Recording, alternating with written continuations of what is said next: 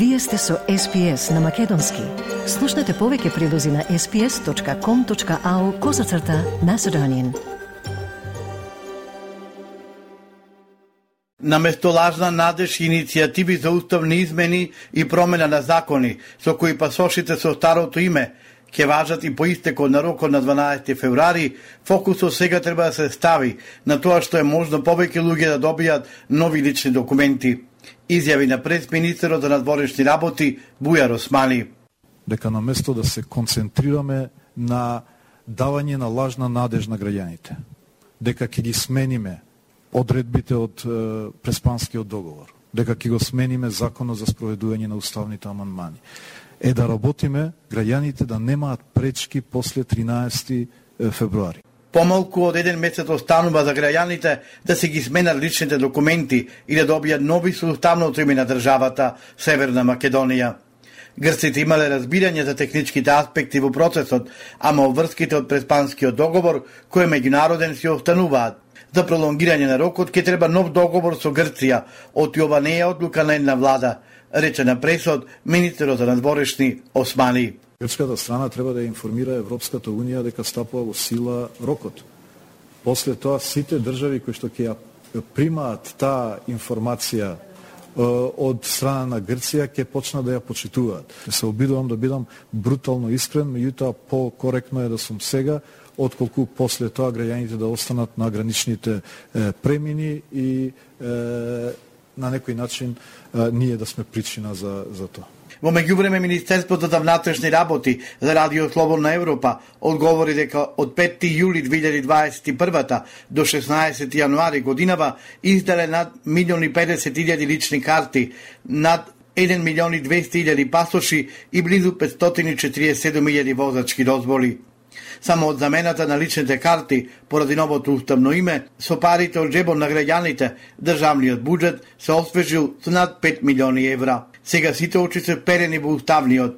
Судот веќе отпори предходна постапка за два предмета по иницијатива на опозицијската ВМРО ДПМЛ, но се уште не може да се прецизира датум за тоа кога важноста на пасошите ќе се најде на седница. Ковачевски и Османи да се договорат кој став е официјален, може да се продолжи важењето на пасошите или не, велат од ВМРО ДПМН преку сообштение.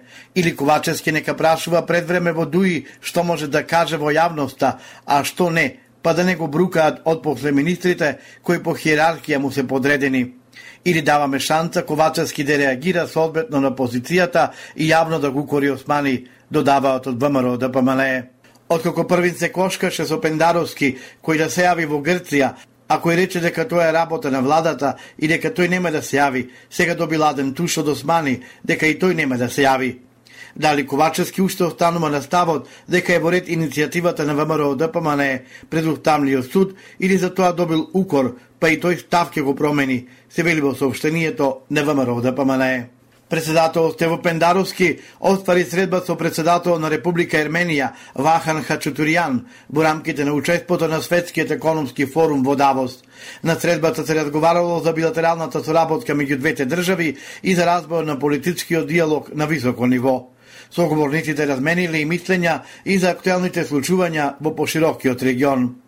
Пендаровски во рамки на учеството на 54-тиот годишен состанок на Светскиот економски форум говореше на сесијата Дипломатски диалог за Западен Балкан. Во фокусот на дебатата се очекува да бидат перспективите за проширување на ЕУ кон земите кон Западен Балкан, нивната подготвеност за реализација на реформите, очекувањето од европските избори, подобрувањето на економската интеграција на регионот и неговиот раст. На сесијата учествуваат шефови на држави и влади и министри на земјите од регионот и пошироко од Европа, како и представници на бизнисот и невладиниот сектор. Председателските и парламентарните избори што ќе содржат годинава ќе чинат државата околу 12 милиони евра, вели председател на Државната изборна комисија Александар Даштевски. Во интервју за МИА, тој посочува дека оваа сума е со тенденција да се зголеми најмалку до 15 милиони евра вели Даштевски, додавајќи дека дополнителни пари влече и гласањето на диаспората. Беса Адеми останува на чело на Врховниот суд. Со 7 гласа за и 4 против, судскиот совет по неколку часовна расправа реши да ја запре постапката за поведување на дисциплинска постапка против председателката на Врховен суд, која што е покрена членот на советот Милјази Мустафа.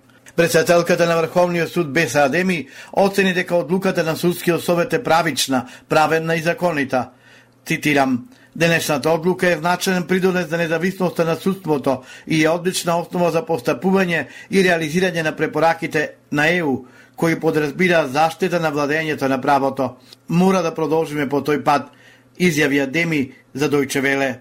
На одлуката и предходеа неколку часовни полемики меѓу членовите на судскиот совет. Гребор на Демит според иницијативата која што ја поднесе Мустафа е што председателката на Врховен суд не доаѓала на седници на советот во периодот од крајот на мај до почетокот на ноември минатата година, што според Мустафа било нејзина обврска како член на судскиот совет по функција. Со тоа таа не учествувала во носење на важни одлуки, а се спореше и начинот како таа го оправдувала своето отсуство. Како спорен момент во иницијативата се наведува и интервјуто на Адеми за порталот Сакам да кажам, во кое таа изјави дека има притисоци врз врховните судии врска со барањето за одлучување за помилувања од поранешниот председател на државата Ѓорѓе Иванов. Беса Адеми се појави и учествуваше во работата на предходната седница на судскиот совет, со која преседаваше Весна Дамева, која со одлука на управниот суд се врати на председателската функција. Адамева завчера имаше средба со холандскиот амбасадор Дирк Јан Коб, кој ја нови упати сериозни критики на адресата на судскиот совет. По средбата со Дамева, холандскиот амбасадор на социјалните мрежи најави дека Холандија сега силно ќе размисли за рестартирање на проектот со судскиот совет, што беше суспендиран во мај минатата година.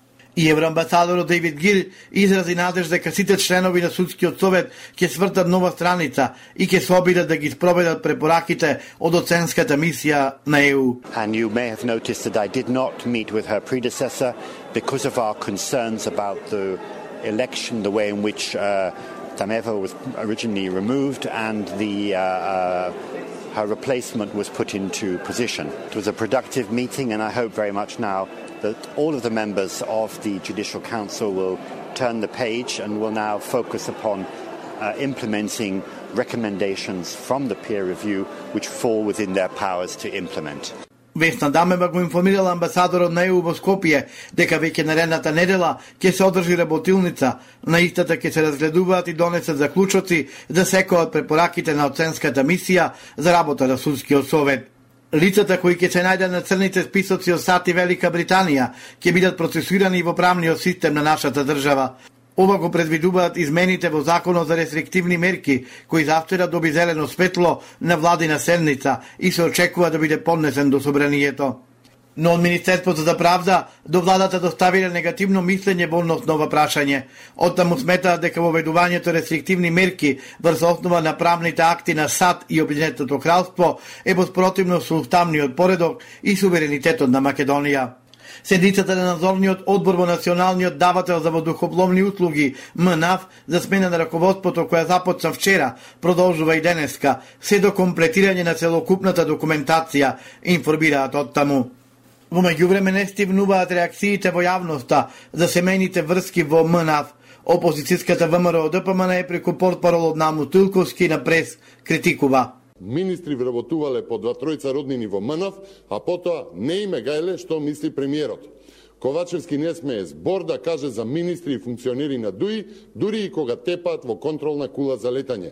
СДС и ДУИ не може да се Европски фронт, затоа што тоа е коалиција на бандитизмот. Немам никаква улога во вработувањето на мојата сестра во МНАФ. Таа работи таму веќе 15 години, а јас сум министер за надворешни работи само 3, изјави министерот за надворешни Бујар Османи. Сепак јавноста добро знае дека Османи и пред 15 години бил министер во владата Никола Груевски од 2008 до 2011 тој извршува функцијата министер за здравство.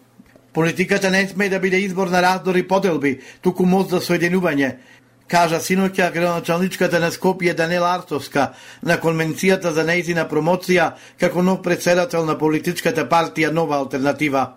Меѓу присутните гости беше и генералниот секретар на СДСМ. Сепак Арсовска во својот говор посочи дека партијата не е во коалиција со партијата на власт. Таа исто така најави и кривична пријава за информациите дека ја купила партијата. Од сите вести за формирање на партијата на Данел Артовска, главна вест секаде да е присуството на Миле Зечевич, кој е иден поред на таа партија, тој во реакцијата на ВМРО ДПМН. Проектот на СДС и Зечевич ќе доживее дебакал, зашто јасна е намерата. Добро била Арсовска на висока политика за почеток да почне да го решава хаосот во Скопје, колку за промена, но за жал и за тоа не ја бива, се наведува во партиското сообщение на ВМРО ДПМН. Сакате ли да чуете повеќе прилози како овој? Слушате подкаст преку Apple Podcasts, Google Podcasts, Spotify или од каде и да ги добивате вашите подкасти.